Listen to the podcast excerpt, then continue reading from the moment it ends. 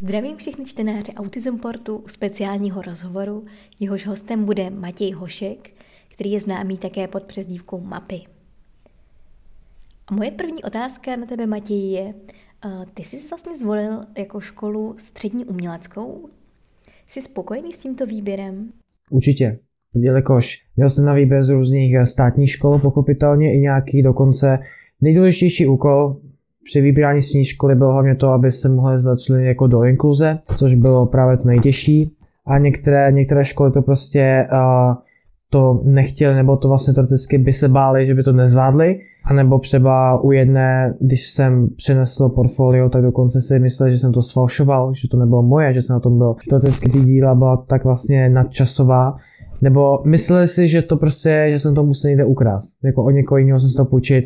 Ale nakonec jsem skončil na, sou, na soukromé, malinké soukromé škole designu a umění na okraji Prahy a jsem tam velmi spokojený, jelikož není velká, takže vlastně to vždycky těch, některý, některé ty lidi jako poznávám, to vždycky nemusím se tak ani pohybovat po té škole tolik, nebo spíše aspoň vím přesně, kde tam všechno co je, Uh, má tam pár přátel, což je taky dobře, že, se koné, že tam vlastně má více interakcí než jsem na základce. Učení je celkem dobré, i když tam samozřejmě nějaké chybičky, ale to je skoro všude, to tak bývá. Ale jinak obecně s výběrem jsem spokojený. Uh, přistoupili ke mně jakoby fakt jako s, jinečím, eh, s člověkem s jinečím diagnozou. Máš ve škole taky asistenta, případně pak nějaké předměty?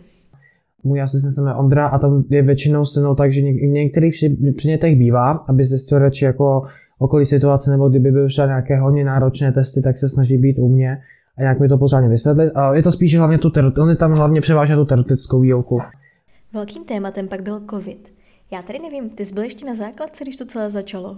To, no to bylo to hned těsně po talentovkách, co jsem na tu školu dělal, takže jsem měl štěstí, že jsem přijímačky nemusel dělat v tom chaosu. Takže jsem na to rád. Bylo to někdy v lednu a začal ten covid o dva měsíce později. A vyhovovala ti víc ta distanční výuka? Nebo jak to vlastně vůbec vypadá na škole, na umělecké škole, když je distanční výuka? Je to komplikovaný, jelikož my tam často máme třeba jak nějaké ty umělecké práce a zejména tzv. klauzory, což je vlastně něco jako kdybyste, já nevím, ne, většina, nevím, jestli většina lidí poznává pojem klauzory, ale je to jako nějaký velký poletní test, jako kdybyste měli ve škole, akorát, že to je v podobě, že máme jedno téma a máme z toho na vlastní, z vlastních technik vytvořit prostě nějaké, eh, nějak, nějaké umělecké zpracování. To funguje tak, že třeba většinou se to mm, domlouvali s nějaké konzultace, že se mohlo chodit jako do školy, ale přitom samozřejmě po nějakých těch hygienických podmínkách nebylo to, bylo to šílené, jako bylo to strašný nepořádek v tom, jako aspoň z mého pohledu. Ten první ročník jsem převážně strávil právě doma a uvědomil jsem si, že to fakt nebylo dobrý, protože ten systém učení nebyl dobrý. Ty videohovory, měl jsem pocit, že to ne, tam, tam přirozenost tam vůbec nebyla, bylo to úplně někde na mezině.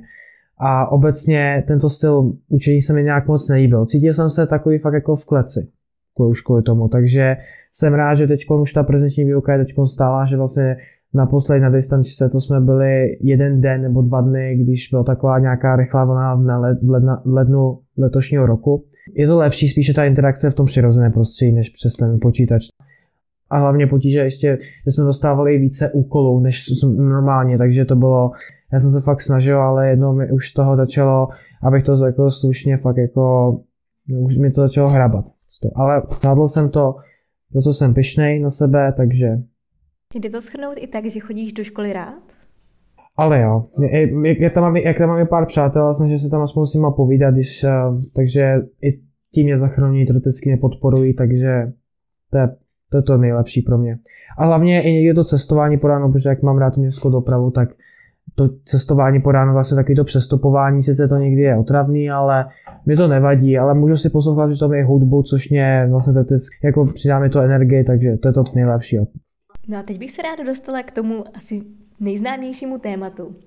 A to jsou mapy. Uh, co ty Matěj a mapy? Tvoříš je stále?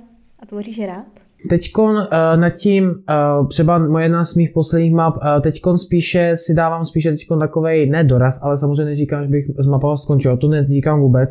Jen teď právě, že jsem se více při, při, přimhoužil právě k tam tomu tématu, vlastně dotycky ty ilustrace, nějaký ty portréty a tak dále, zejména z, umělecký, z uměleckého jako ze školy a zejména právě v spolupráci s mou mamkou, právě třeba na knížkách jako ilustrace, takže Teoreticky teď jsem se od map jako trochu odklonil, ale třeba moje poslední grafická nějaká imaginární tramová síť, to jsem dělal na grafickém tabletu.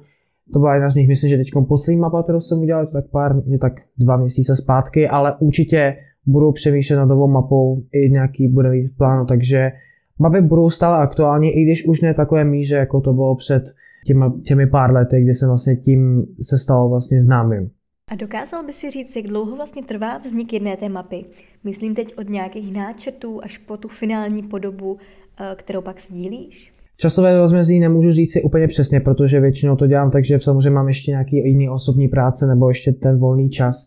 Takže se to rozdělilo tak, že třeba nějaká moje malinká mapka může zatrvat klidně, záleží spíše v jakém rozměru, ale dříve jsem náčrty nedělal, já jsem to dělal rovnou z ruky.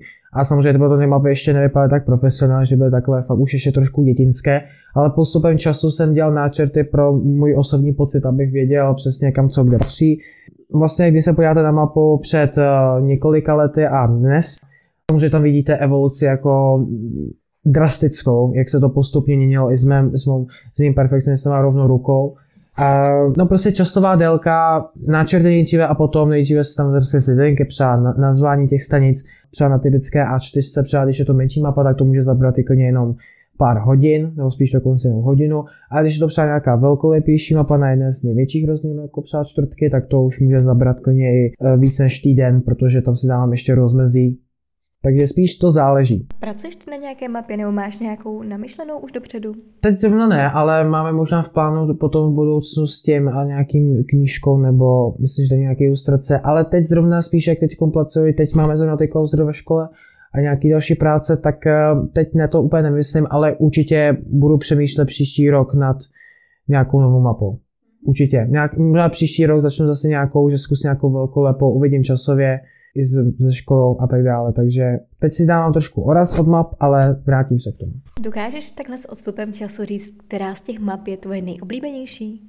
To je teď většinou právě teď, teď se moc neprohlížím, jak ten čas teď moc nemám, ale samozřejmě prohlížím se stále nějaké psa v knížkách, ale své vlastní, no, no moje nejoblíbenější, to je opět těžká otázka, jakož většina jsou jakoby, najde se pár takových obrovských třeba mých fiktivních map třeba ve větších rozměrech, i svou vlastně barevnosti a tak dále, jak jsou seřazeny, tak uh, nemám teď úplně období nebo myšlenku, která je novější. Já mám rád velké, jako velči, velkou většinu map mám rád, jako hlavně ty novější, se kterými jsem si dal práci.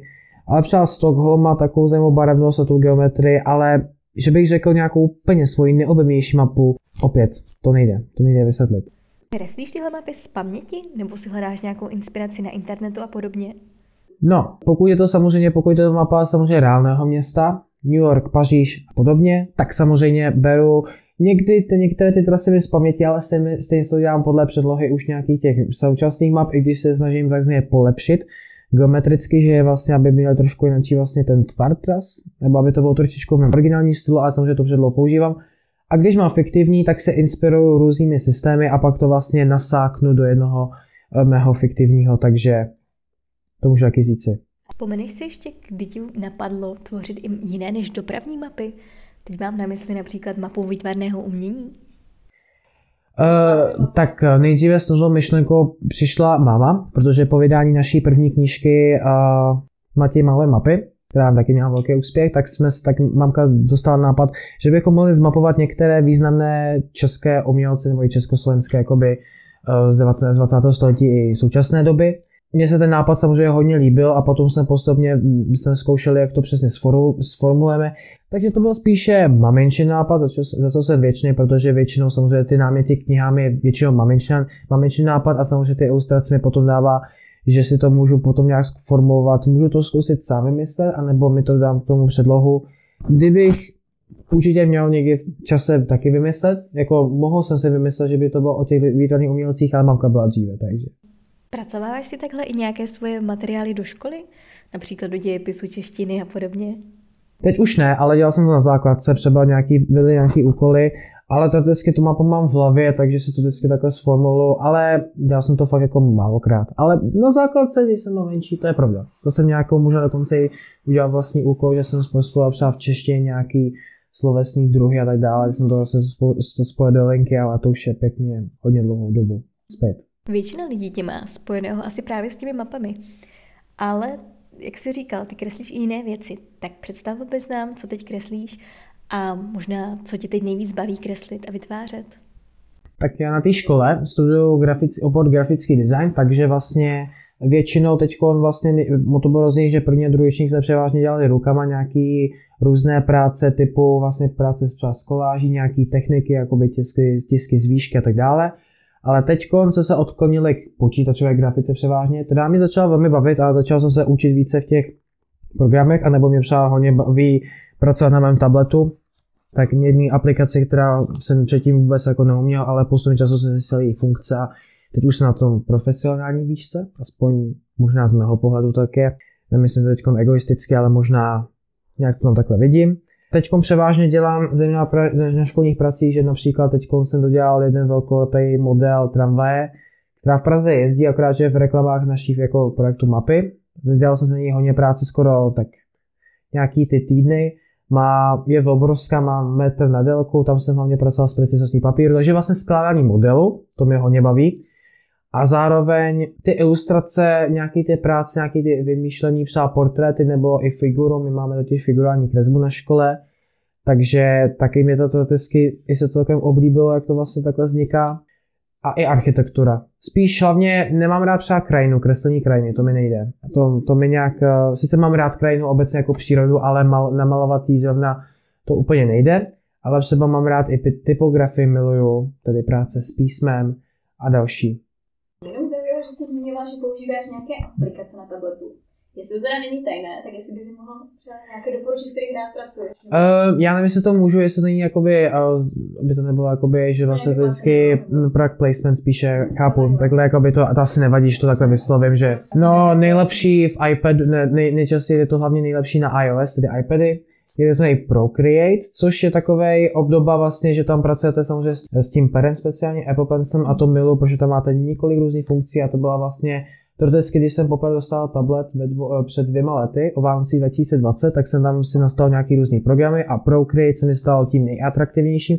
Si tam ještě mám nějaké stanotené programy, ale ten jsem stal, že tam jsem udělal hodně svých nějakých nových prací, že přesto jsem se naučil velmi dobře grafické stvárnění, uh, nějakých obrázků a tak dále, už taky s tím umím. A na počítači jsou to programy typu Adobe Illustrator, ze kterým už taky celkem jako dobře umím, anebo zkouším Photoshop, který mi ještě moc nejde, ale jsem se to naučil.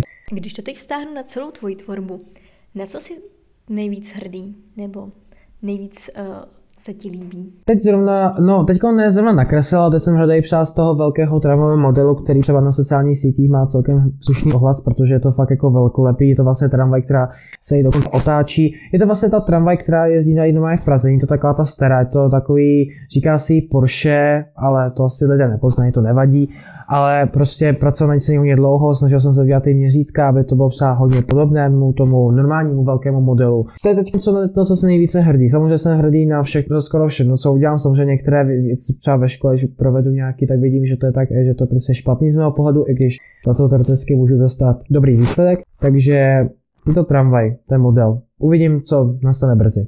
A kolik času vlastně trávíš tou výtvarnou tvorbou? Protože mi jasné, že tvoříš i věci do školy a podobně, ale jestli se to dá tak nějak odhadnout nebo shrnout, kolik času tomu tak týdně věnuješ? Můžu říct, že skoro denně. Já zase skoro denně si aspoň něco malým nakreslím, že to je součástí školy. Uh, převážně my kreslíme hlavně první dva dny v týdnu a potom máme spíše takové jako ty teoretické výuky, takže vlastně tam už to malování je méně. Ale když přijdu domů, tak samozřejmě třeba dělám si nějakých úkolek nebo taky nějakých ilustracích. Ale teoreticky vlastně není skoro den, kdybych nekreslil jak výjimečně. No, tak jestli ti zbývá právě i ten čas na tu tvoji tvorbu, kterou děláš jako mimo to, že ti nikdo nezadá? Uh, teď naposled, jedna z těch posledních knížek na uh, znací PPF na ten, to, to mapu, kdy mapou domov můj, tak teoreticky tam jsem měl hodně málo času a navíc mi do toho šly právě klauzury, takže tam jsem svoji energie musel nabít na nejvyšší obrátky, když jsem byl z toho nervózní, protože když to najednou mám nasazeno hodně, tak vlastně teoreticky ta motivace po tom kreslení je nízká, i když bych strašně rád. Ale když je to potom na mě zasaženo tolik, že se to tam nahrne hezky, jak se to nahrne, jako kdyby na vás někdo vysypal nějaký eh, kameny, tak to bylo něco podobného, protože když je to potom na mě nasáhnutý hodně, dokážu být nekontrolovatelný, agresivní trošičku, ale hlavně je ta nekontrolovatelnost, že jsem naštvaný, nechci nikoho, s někým poslouchat, protože prostě musím to dodělat. Takže baví mě to umění v tom, že když do mě nikdo netlačí, pak už jsem v pohodě s tím. Když na to jdu pomalu, tak mě to baví. Tlačenice, to takový, už jako, že na to nemám moc tolik času, že to mám jen omezený, mi dává takovou na, e, myšlenku, že ta motivace není, pokud do vás někdo tlačí. Musíte být v klidu a vyjde to vlastně, že ten výsledek může být vlastně i lepší. Jak sám říkáš, někdy se toho sejde opravdu hodně. A mně přijde, že tvoje tvorba je hodně náročná na nějaké deadliny, na nějaké rozvržení času. Tak co k tomu používáš? Nějaké diáře? Nebo jak si vlastně organizuješ celou tu práci, nebo všechnu tu práci? No, ne, ne, nejdou se deprese, jednou jsem se dokonce i zroutil, když jsem třeba musel zůstávat opět několikrát doma, protože jsem, no myslím, že covid a tam karanténa, no bylo to ještě ty práce doma, no taky jsem se, jako dokážu se z toho zroutit, to, to určitě. Ale Zkouším se to tam nějak srovnat v hlavě, abych věděl, co přesně udělat v tu danou dobu, takže většinou to nepíšu, jenom fakt jako výjimečně, spíše to ukládám do hlavy, protože tam se mi to tak lépe nechává. Připravuješ teď něco nového, nebo připravujete s mamkou? Tak teď vlastně máme, eh, vlastně, já nevím, jestli to asi můžu říct si, ale prostě teď pracujeme, teď pracujeme, eh, teď dělám ty, ty klauzury, ty máme, myslím, že do poloviny, do poloviny prosince, takže nad tím teď pracuju, teď moje priorita jsem právě dodělal tu tramvaj a teď jsou pro mě priorita ty školní klauzury. To jsem ještě zapomněl říci. My teď eh, vlastně příští týden začnu další novou litografii, což je taky moje vlastně koníček, že vlastně k tomu dostal můj táta, jelikož on je vášnivý sběratel litografií a budu dělat nějak, ně, nějakou, e, vlastně nové dílo v průběhu příštího týdne a potom máme v plánu s mamkou udělat úplně novou knížku právě po té evropské a budeme se domluvat samozřejmě, jak to bude přesně vypadat. Ještě nechceme dávat informace, ale Máme v plánu, že příští rok bude nová, uh, příští rok někdy na jaře, nebo prostě to uvidíme časem, ale prostě na začátku roku, nového roku začneme dělat na naší nové knížce, ale detaily dáme až později. Moje další otázka směřuje právě na ty litografické kresby. Mohl bys to prosím přiblížit, protože věřím, že řada lidí vůbec neví, o co se jedná.